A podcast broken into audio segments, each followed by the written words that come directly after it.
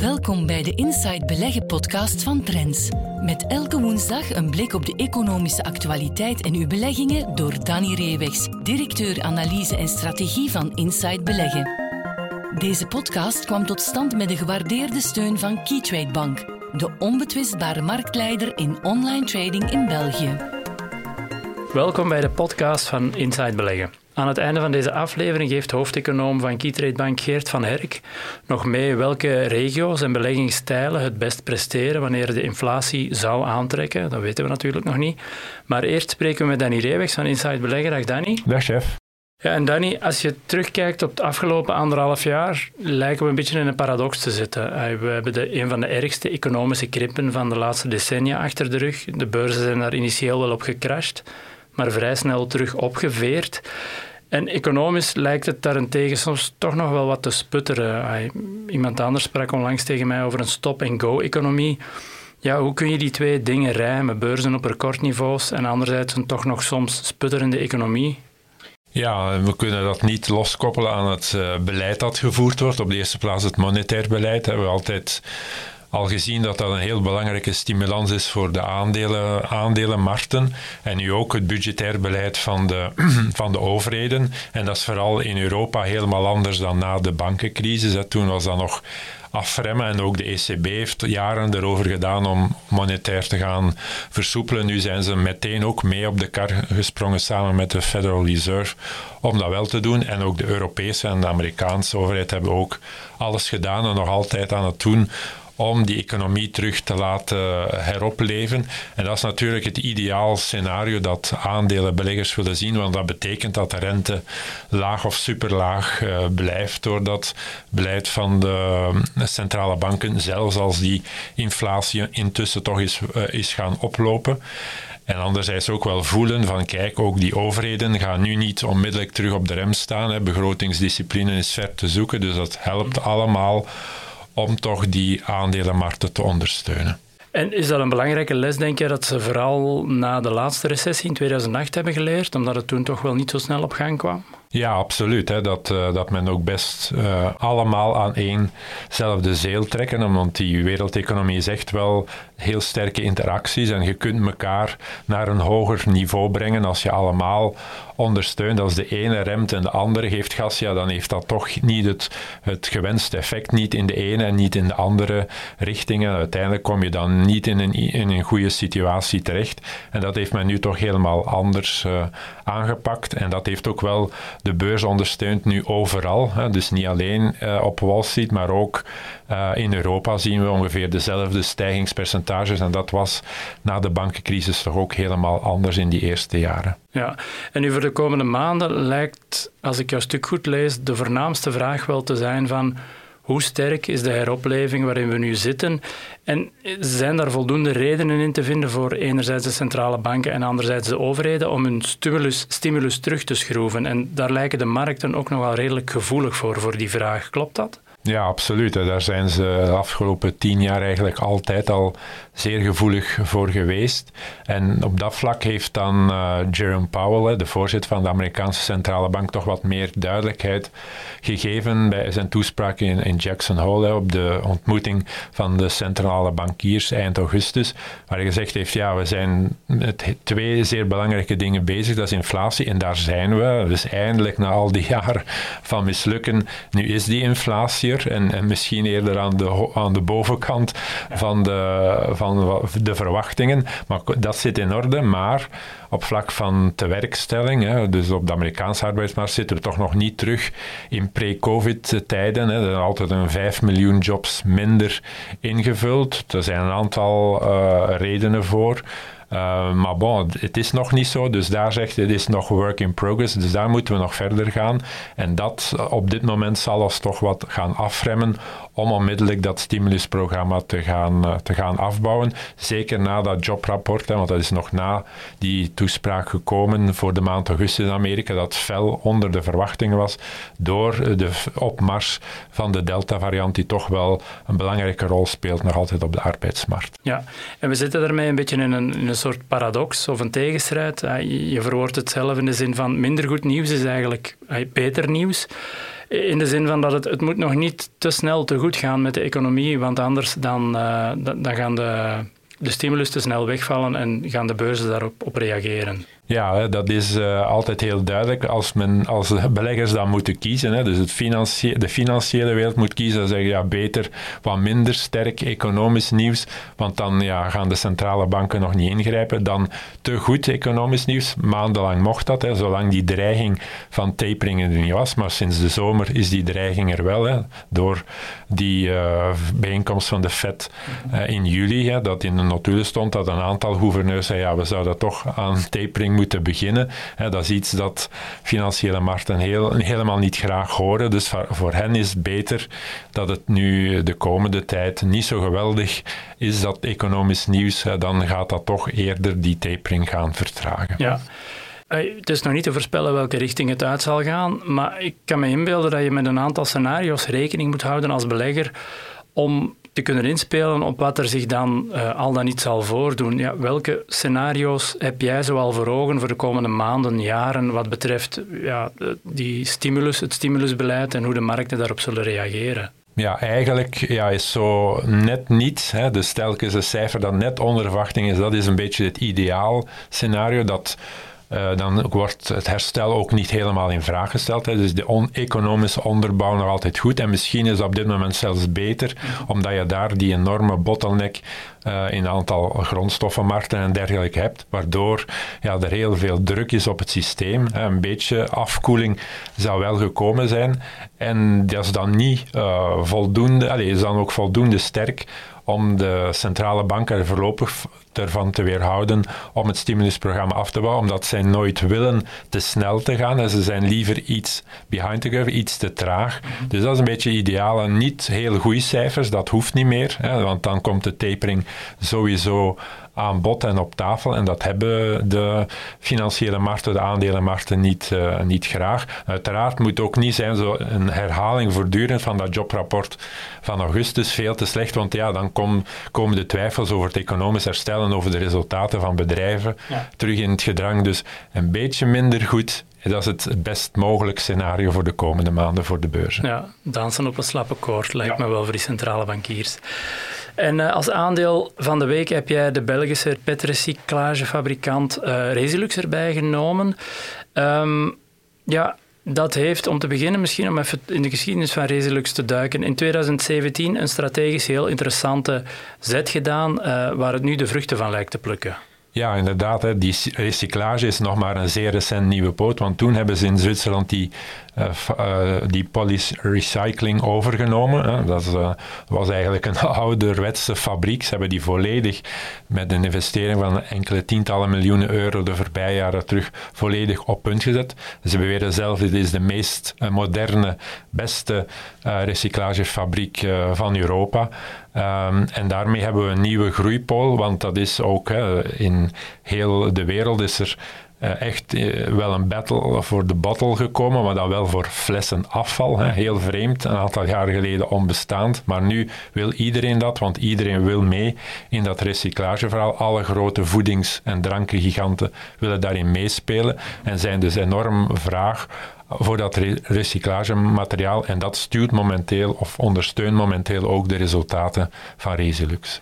Ja, en die resultaten zijn al een tijdje heel goed. Uh, ook het afgelopen half jaar. Wat waren daar de voornaamste elementen om uit te onthouden van de halfjaarresultaten? Ja, je mag je niet blind staren bij Resolux op de omzetevolutie. Hè, want daar zitten grondstofprijzen heel sterk in. Die zijn nu wel gestegen. Maar aan de andere kant, vorig jaar had je in die eerste jaren toch ook die sterke invloed van uh, de COVID-19-pandemie. Dus vooral die detergenten, hè, al die gels en zo, die moesten extra gemaakt worden. Dus dat gaf toen een extra vraag. Je moet vooral kijken naar de, de toegevoegde waarde en vooral naar de winstevolutie. En dat, op dat vlak blijft Resolux jaar na jaar beter scoren. Dus we zien opnieuw een, een, stijging van de toegevoegde waarde en vooral een stijging van de bedrijfskaststroom naar een nieuw record, 2,7 miljoen euro uh, erbij. Um, dus ja, die eerste mijlpaal die gezet was vorig jaar met 50 miljoen op, ja, op jaarbasis, ja, dat lijkt wel het nieuwe normaal te zijn bij Resilux. Ja, en dus van oorsprong was het een, een, een petfabrikant en nu heeft het die recyclagetak erbij genomen. Hoe wilt het bedrijf verder inspelen op die recyclagetrend? Hebben ze daar iets over verteld? Ja, zij zouden heel graag bijkomende fabrieken zetten. Ze, ze mikken zelfs de komende jaren op drie à vier van het niveau van, van de Zwitserse. Natuurlijk, je kan dat maar doen op, op zekerheid hebt over afvalstromen. En daar is natuurlijk het ophalen en dus het statiegeld invoeren, dat is daar, het blijkt in Europa toch echt wel het kernelement. Nu, je denkt, ja, in, de meeste, alle landen zal dat wel zijn, maar dat is, vooral in Zuid- en Centraal- en Oost-Europa zijn dat zaken die zelfs niet bestaan. Hè. Dat is perfect in landen als Zwitserland en Duitsland, ook België in min of meerdere mate, maar in Zuid-Europese landen, waar nogthans heel veel hè, door de, de hoge temperaturen vaak ook heel veel water ehm, gebruikt wordt, ja, is dat nog helemaal niet zo. En maar, eh, dus er is een dwang van Europa om daaraan te werken tegen 2025. Uiteraard, de meeste landen gaan maar in, in gang schieten 23, 24, maar dat zit er allemaal aan te komen.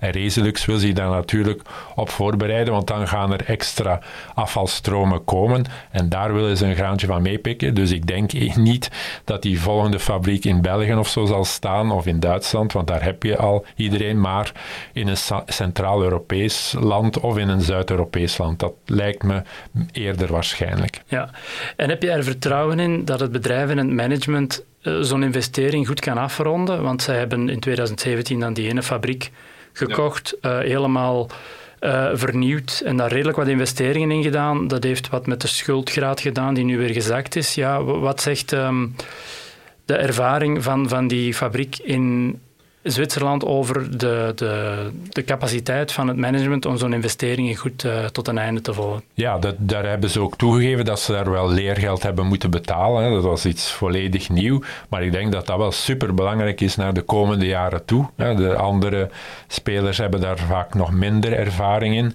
Zij hebben die ervaring opgebouwd om helemaal die omschakeling te maken. En dat gaat hen ongetwijfeld heel goed helpen bij de volgende fabrieken. Dan gaat dat sneller gaan tegen een wat lagere kostprijs en gaat dat sneller kunnen bijdragen tot de verdere groei van de resultaten. Ja, en tot slot, uh, na de halfjaarresultaten en ook een beetje terugkijkend naar het afgelopen jaar, wat hebben de koers en de waardering van Resilux gedaan? Uh, hoe schat jij het aandeel momenteel in wat betreft notering? Ja, het is een beetje een, een verborgen uh, groeibedrijf op de beurs. Natuurlijk niet spectaculair. Hè. Dat, dat, er zijn geen tientallen procent groei per jaar, maar er is wel een continue uh, stijging, regelmatige stijging van het resultaat. En natuurlijk, een goede of een slechte zomer qua weer en zo ja. speelt ook een rol. Dus dat, die factor ga je niet kunnen uitsluiten. Maar er is een continue groei. Uh, Resilux heeft zijn, heeft zijn plaats in die markt. PET.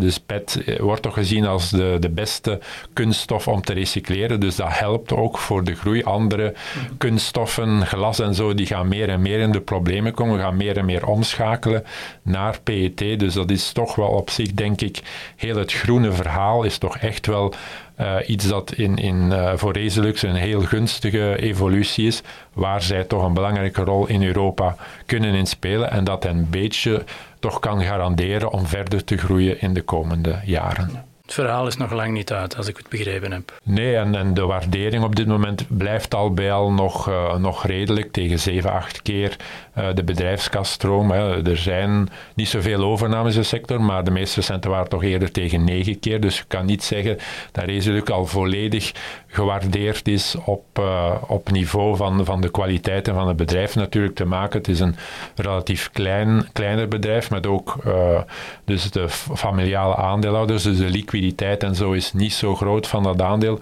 En daar krijg je altijd wat korting voor. Maar algemeen gezien denk ik is dat nog altijd een mooie bedrijf om naar te kijken als je zoekt naar wat lange termijn investeringen voor je portefeuille. Ja, goed. Jij bent uh, heel hard bedankt alvast voor jouw kijk en inzichten op die zaken en graag tot volgende week. Tot volgende week. Dag. We luisteren nu naar Geert van Herk, Chief Economist van Keytrade Bank, met zijn analyse op een aspect van de economische actualiteit. Hallo iedereen, welkom bij onze wekelijkse podcast. We hadden het vorige week al uh, kort over ja, een verwachte rentestijging. Welke sectoren overweeg je dan best in je aandelenportefeuille? Ja, de conclusie was een beetje ja, dat je best kiest voor cyclische aandelen in een omgeving van stijgende rentevoeten. Cyclische aandelen, we verstaan daaronder de bankaire aandelen, industriële aandelen en ook de olieaandelen. Vandaag gaan we een beetje stilstaan bij welke regio's kun je best overwegen in je portefeuille als we de komende jaren effectief een stijgende trend van de lange termijn rente krijgen en ook welke beleggingsstijl. Met stijl spreken we meestal over de, ja, de small caps of de large caps, dus kleinere aandelen ofwel grotere aandelen. En ook ja, de value versus de growth aandelen, de waardeaandelen ten opzichte van de groeiaandelen. Nu, het zal u geen verbazing wekken dat eh, als we in een periode van stijgende rentevoeten gaan terechtkomen, dat dan kleinere aandelen en small cap eh, aandelen het veel beter gaan doen, veel beter gaan presteren dan de large caps aandelen. Opnieuw, dit heeft natuurlijk ook te maken met de omgeving waarin een stijgende rente plaatsvindt. Dat is meestal een omgeving van ja, een expansieve wereldeconomie, groei van de wereldeconomie, groei van de industriële productie. Ja, kleinere aandelen zijn natuurlijk meer blootgesteld aan die uh, industriële uh, cyclus en vandaar ook uh, dat zij daar het meeste van profiteren. Dus periode van stijgende rentevoeten eerder gaan kijken naar small cap aandelen om in je portefeuille te stoppen. En natuurlijk ook een tweede stijl, ja, de value aandelen, de waardeaandelen of de groeiaandelen. Ook hier is het antwoord ja, redelijk uh, eensluidend. Je overweegt best value-aandelen, waardeaandelen, wanneer de lange termijnrente de hoogte ingaat. Dat heeft natuurlijk ook te maken met wat we vorige week zeiden, met die sectorkeuze.